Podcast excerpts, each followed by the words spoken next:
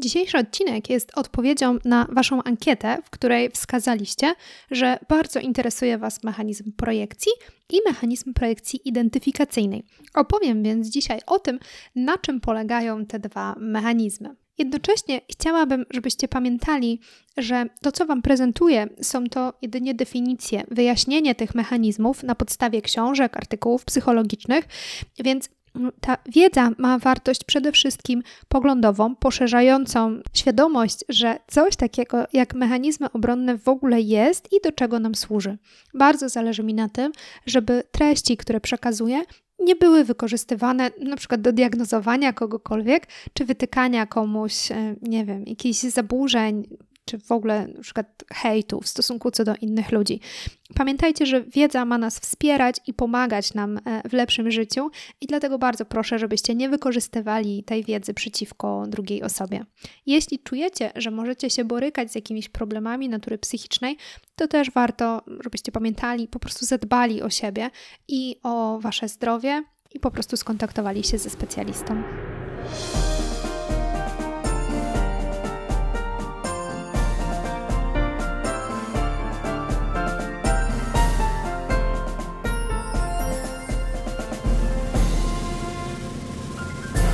Zanim e, zacznę przybliżać, czym jest mechanizm projekcji i projekcji identyfikacyjnej, najpierw należy się małe wprowadzenie, czyli czym w ogóle są mechanizmy obronne. Więc tak jak mamy system odpornościowy, który ma za zadanie uniemożliwić wtargnięciu do naszego organizmu niepożądanych, szkodliwych substancji i spowodować, żeby te substancje nie, nie narobiły e, zbyt wielu szkód, Czyli, żebyśmy nie zachorowali, mm, to ten układ odpornościowy musi w jakiś sposób zwalczyć bądź zablokować mm, różne wirusy, tak, niepożądane mm, jakieś substancje, które mogą się dostać do naszego organizmu. I tak samo nasza psychika jest wyposażona w system odpornościowy. Tylko tutaj do walki zamiast białych krwinek stoją właśnie, stają właśnie mechanizmy obronne. W przypadku, gdy człowiek e, doświadcza jakichś trudnych, niepożądanych stanów emocjonalnych, to jego system obrony ja włącza wtedy się właśnie do działania. I o ile system odpornościowy działa podobnie u każdego człowieka, o tyle system obrony i te mechanizmy obronne naszego ja, naszej psychiki, choć są powszechne dla ludzi, to jednak u każdego człowieka działają w sposób charakterystyczny dla niego, czyli są taką nawykową metodą, którą każdy z nas wykształcił mm, właśnie jako taki swój sposób na radzenie sobie z konfliktami psychicznymi. Na, na, na system odpornościowy mm, wpływ ma tutaj głównie nasza biologia, na tyle, o, o, tyle na mechanizmy obronne, mm, no tutaj wpływ ma głównie socjalizacja, czyli kształtuje je kultura, sytuacja rodzinna, no ogólnie jakby środowisko, w którym się też wychowywaliśmy. Podobnie jak układ odpornościowy działa poza naszą świadomością, no bo nie wiemy, że właśnie jakaś krwinka bierze się do roboty, bo wychwyciła potencjalną rakową komórkę, czy jakiś wirus po prostu nagle wszedł, no nie mamy tego świadomości. I tak samo mechanizmy obronne te mechanizmy, które chronią nasze ja przed szkodliwymi emocjami dla nas, tak, przed szkodliwymi, trudnymi sytuacjami, one działają również poza naszą świadomością. Wiadomo, że no, system odpornościowy jest nam potrzebny po to, żebyśmy byli zdrowi, no w ogóle żebyśmy przetrwali. Natomiast po co są mechanizmy obronne? No, w zasadzie można powiedzieć, że mają podobną funkcję, bo one także pomagają nam przetrwać. Jednak mm, tutaj różnica jest taka, że one nie rozwiązują problemów, które jakby do nas wchodzą, tak, tych konfliktów, ale po prostu je łagodzą. Czyli mechanizmy obronne są bardziej jak taki lek, który działa objawowo, niż taki lek, który rzeczywiście chorobę leczy. E, mechanizmy obronne obniżają ten poziom frustracji i wynikający z tej frustracji paraliżujący nasz, nasz lęk e, i chronią nasze poczucie godności, pomagają też utrzymać wysoką samoocenę i dzięki temu pomagają nam w ogóle odnaleźć i utrzymać się w względnym zdrowiu psychicznym w niejednokrotnie wrogim środowisku, w którym aktualnie przyszło nam po prostu żyć. Co jest ważne w mechanizmach obronnych, to to, że mogą być dla nas zarówno bezpieczne, jak i niebezpieczne. Kiedy są używane zdrowo, są dojrzałe, to, mm, no to wtedy działają jak taka tabletka przeciwbólowa, e, czyli kiedy nie możemy znieść ogromnego bólu zęba, mega boli nas, nasz ząb, nas ząb, ale zanim udamy się do dentysty, tak, jakiś termin będzie, no to musimy sobie jakoś ulżyć. Więc bierzemy taką tabletkę przeciwbólową, no i ona nam pomaga zmniejszyć ten ból, pomaga nam jakoś dotrwać do tej wizyty u stomatologa e, do momentu, w którym ten ząb zostanie wyleczony.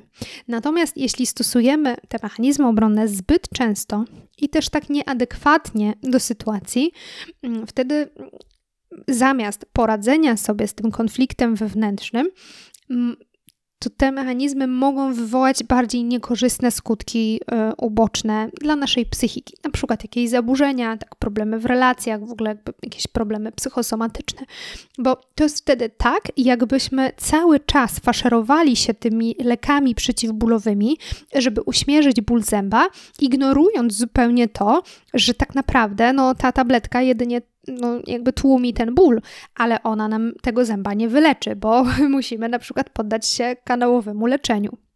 E, więc taka jest różnica między właśnie tymi mm, mechanizmami obronnymi, które no, gdzieś tam nam służą i są też potrzebne, tak, żeby jakoś nam pomóc sobie poradzić z tymi trudnymi e, kawałkami, na które na przykład w danym momencie nie mamy mm, teraz siły bądź nie wiem, możliwości sobie z nimi poradzić, ale jakby no, nie są czymś, co rzeczywiście pomoże ten konflikt, ten problem jakoś mm, rozwiązać. E, no, oczywiście mamy tych mechanizmów sporo, one mają różne funkcje i też różnie się przejawiają tak, w naszym zachowaniu.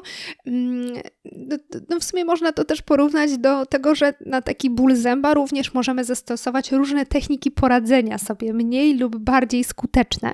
Możemy na przykład położyć, nie wiem, przyłożyć coś zimnego do tego zęba. Możemy wziąć tą tabletkę przeciwbólową.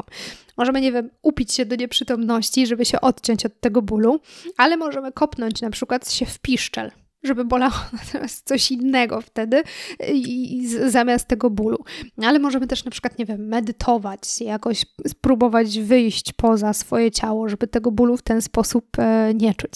No i Podobnie, w zależności od tego, jaki mamy ten nawykowy styl, w taki sposób też poradzimy sobie z konfliktem, który do nas przychodzi, czy z jakąś trudną emocją, tak? Z tym konfliktem takim wewnętrznym. No i wtedy wybierzemy właśnie tak nawykowo, jakoś też nieświadomie, naturalnie dla nas jakiś mechanizm obronny, który pomoże nam sobie z tym e, no jakoś poradzić, tak? I, i się uporać. I dzisiaj opowiem Wam o jednym z tych sposobów, czyli o projekcji. W zasadzie o dwóch, bo jeszcze powiem o takiej wypasionej projekcji, czyli tak zwanej projekcji identyfikacyjnej. Czym jest projekcja?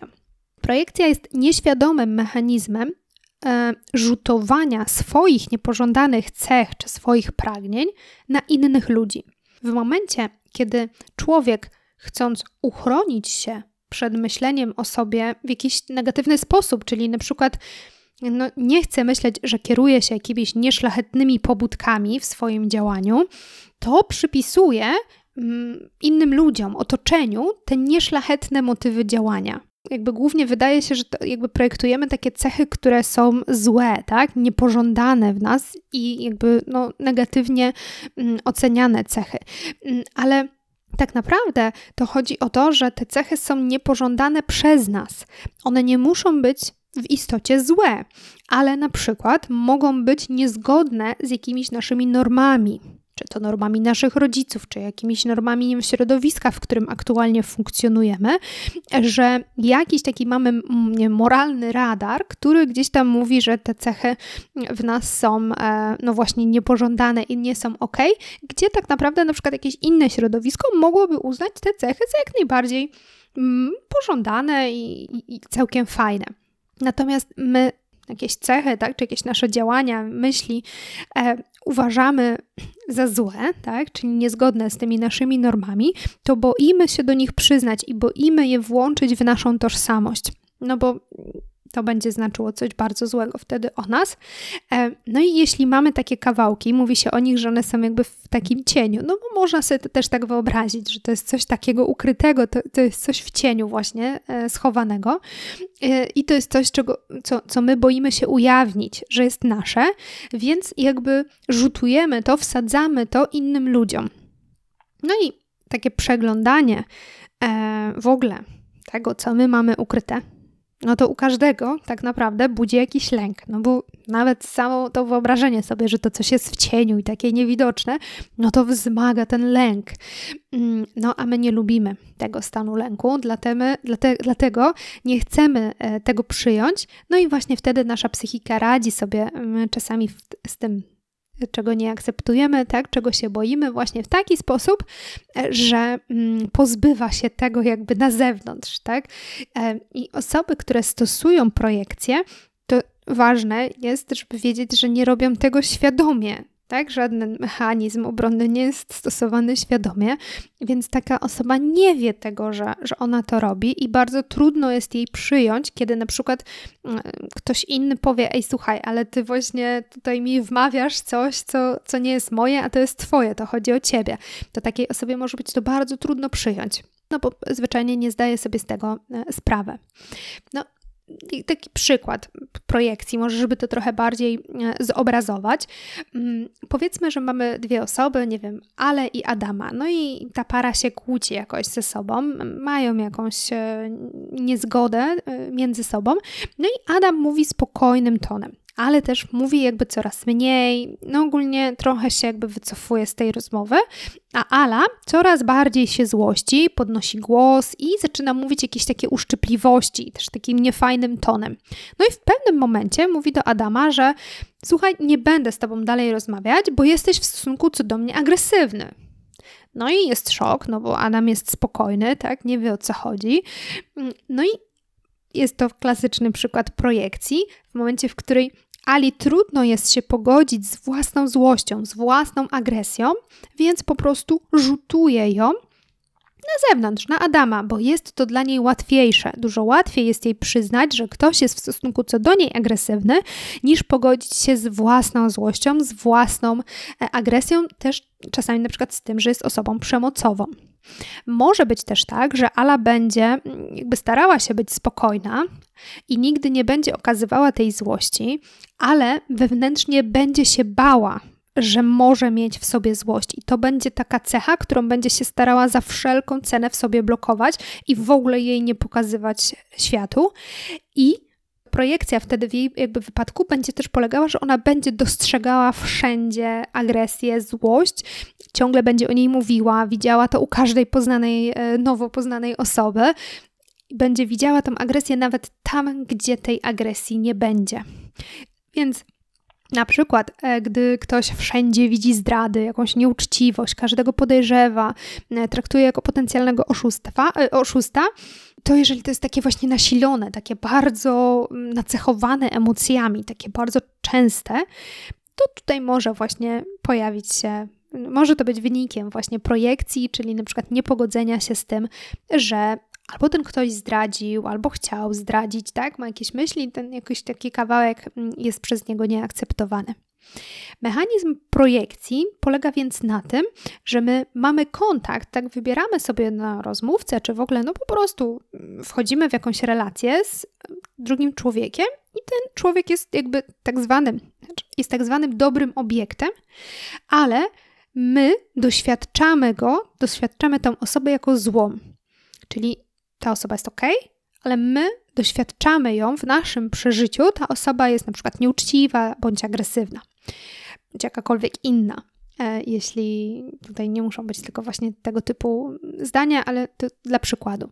I podczas gdy druga osoba wcale się tak nie zachowuje i nie jest taka, ale te cechy mm, są jej w ogóle jakby tak no, przyklejone, czyli tak rzutowane na nią, właśnie mm, no, jakby można sobie to wyobrazić też jakby taki projektor stał przed tą osobą, ona stała gdzieś pod ścianą, no i właśnie ten projektor tak wyświetla na niej te różne rzeczy, mm, te, te, te uczucia. To jakby to nie jest jej, to nie jest jej obraz, ale no ten obraz jest na nią jakby narzucony, tak? Czyli właśnie tak wyprojektowany na nią. Mm, no i mechanizmem, który idzie krok dalej, tak, jest właśnie ta identyfikacja projekcyjna, która też Was tak bardzo ciekawiła na e, jednym z ostatnich stories. Mm, no, identyfikacja projekcyjna jest taką przekombinowaną, bardziej wyrafinowaną projekcją. Jest ona wtedy, kiedy ktoś wybiera sobie, no, w ogóle wchodzi w relację z jakąś dobrą osobą, tak, która nie ma właśnie jakichś tam negatywnych cech, ale nie tylko już przeżywa tą osobę jako złą, jako posiadającą te właśnie złe cechy, których nie posiada, ale idzie krok dalej, czyli zmusza tę osobę do tego, żeby ona się stała taka, jak w tej projekcyjnej wizji, tak? Czyli żeby stała się zła. Czyli taka osoba robi wszystko, żeby te nieakceptowane kawałki w zasadzie wywołać w drugiej osobie. Mimo iż ta osoba wcześniej tego nie miała. To nie są jej cechy, ale tak jakby zostaje no, zmanipulowana, że jakoś te cechy w sobie e, ujawni. Czyli tutaj, biorąc tą, tą, naszą rozmowę Ali mm, i Adama, Ala robiłaby wszystko, żeby wzbudzić w Adamie agresję, po to, żeby móc nazwać go agresywnym, móc pokazać mu, że zobacz, jesteś agresywny i utwierdzić się dalej w tym swoim przekonaniu, jaki to świat jest wrogi w stosunku co do niej i w ogóle jak to wszystko, wszyscy ludzie są właśnie źli i agresywni, ona taka dobra, a tutaj ten Adam dla niej taki, taki agresywny. No i to jest też taki sposób trochę na przejęcie kontroli nad, nad, nad sytuacją. No, warto też jakby tutaj wspomnieć, że projekcja, też jak każdy mechanizm obronny, no ma też nas przed czymś chronić. No i w przypadku projekcji chodzi o taką ochronę przed przyznaniem się do tego, co jest dla nas zwyczajnie trudne do zaakceptowania.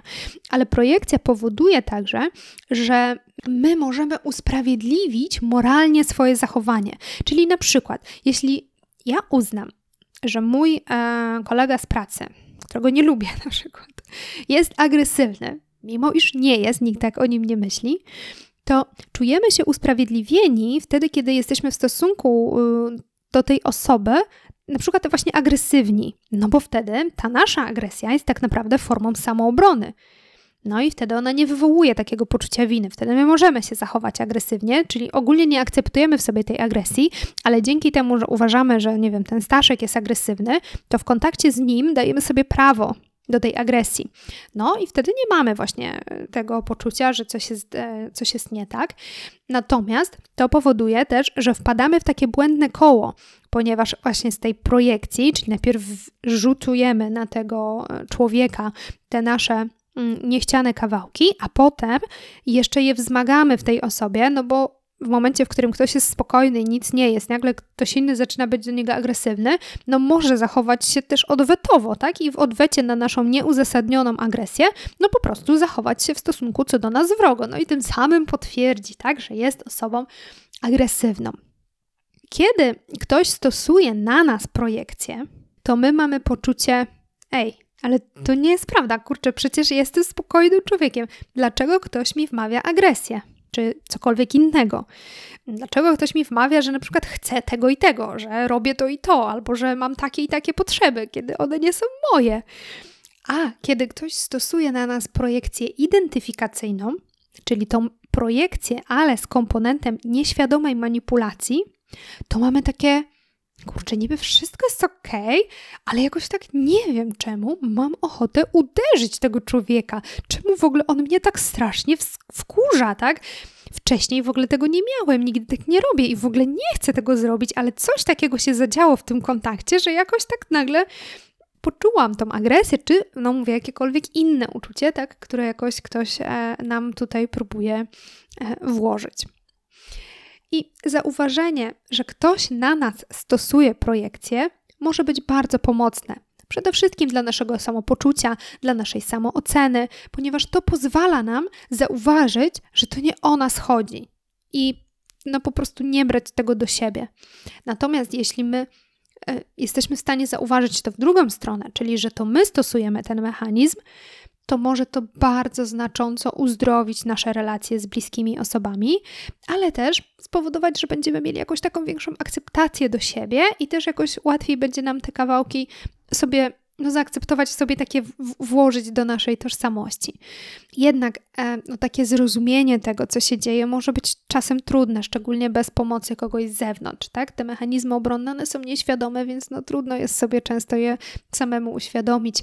Mm, ale no, kluczem jest tutaj otwartość i taka umiejętność spojrzenia na siebie z dystansem. Już któraś osoba nam coś mówi, tak jakoś, no to może warto jednak tego posłuchać. Zbliżając się do końca tego, tego odcinka, powrócę jeszcze do tego, co mówiłam na początku. Czyli zależało mi na tym, żebyście jakby pamiętali o tym, że ważne jest to, żeby zadbać o siebie. Jednak wiem, że kiedy słucha się tego typu treści, czy to o jakichś mechanizmach, czy to nie wiem, o zaburzeniach, to często pojawia się taka tendencja do tego, żeby wyłapywać takie niewłaściwe zachowania, czy jakieś takie, o których nagle przeczytaliśmy, że ktoś tak robi, mm, żeby to wyłapywać u drugiego człowieka, czy to u naszego partnera, przyjaciół, jakiejś rodziny no to się tak jakoś naturalnie czasami e, mo może uruchomić, tak? Że o kurczę, znam tą osobę, ona to tak się zachowuje, tak, tak robi. No i wtedy mamy jakieś takie myślenie, że no dobra, no to musimy jej to nie powiedzieć, jakoś, jakoś jej pomóc, tak? No i tutaj chciałabym, żeby pamiętać o tym, e, że... No nie mamy wpływu na zachowanie i myśli drugiego człowieka, że nie jesteśmy w stanie nikogo zmusić do zmiany, czy nawet nawet do tego, żeby ktoś coś zauważył w sobie. E, ale to, co możecie zrobić, to, co zawsze jest jakby w naszej, pod naszą kontrolą, tak, pod naszym wpływem, to jest jakieś takie zobaczenie, przyjrzenie się sobie samej, e, czyli zastanowienie się, kurczę, ale jak mi z tym jest, jak ja się z tym czuję. To jest bardzo trudne, mm, ale no to jest coś, co, co jako jedyne tak naprawdę jest w naszych rękach, w naszej mocy i co może jakoś tam pomóc też nam w tej funkcjonowaniu. Czyli takie zastanowienie się właśnie, mm, kurczę, jak, jak ja się czuję, co, co ja z tym mogę zrobić, tak? Jak ja się mogę zachować, jak ja się mogę odnaleźć w tej sytuacji, jak mogę właśnie o siebie zadbać e, w momencie, w którym ktoś mnie tak traktuje i zastanowić się na to, jaka jest też wtedy nasza reakcja w odpowiedzi na to, dlaczego tak reagujemy, w ogóle dlaczego w tym dalej jesteśmy. To też czasami jest istotne, żeby się nad tym zastanowić. Jest to bardzo trudne, e, natomiast no jest to na pewno bardziej konstruktywne niż zastanawianie się, co mam zrobić, żeby zmienić tego drugiego człowieka, żeby on się zmienił. To, to jest ślepa uliczka. Tam, tam nie znajdziecie rozwiązania, e, tam, tam nic się tak naprawdę nie zadzieje. Ten, każdy musi jakoś sam sobie e, no, zaopiekować się sobą, ogarnąć siebie. Ja Wam życzę dużo, dużo wytrwałości w obserwowaniu siebie i swoich mechanizmów, ale też takiej otwartości na zmiany, otwartości na to, co mówi drugi człowiek, na to, żeby jakoś te relacje jak najlepiej starać się budować.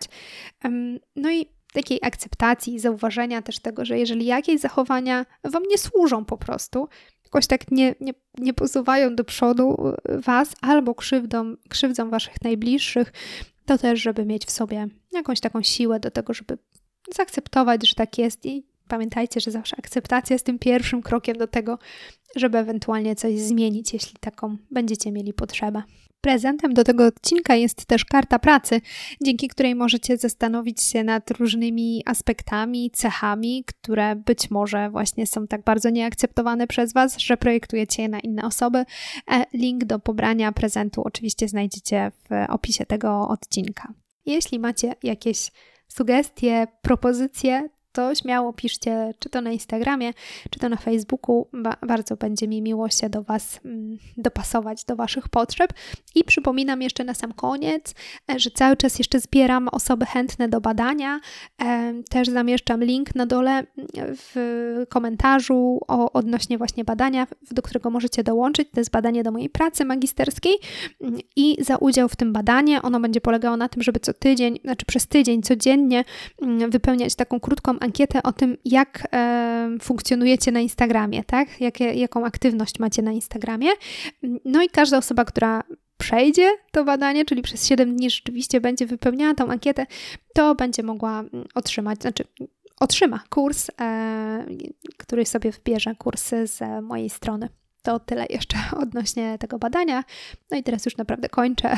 Mam nadzieję, że będziecie mieli fajny weekend. Cześć!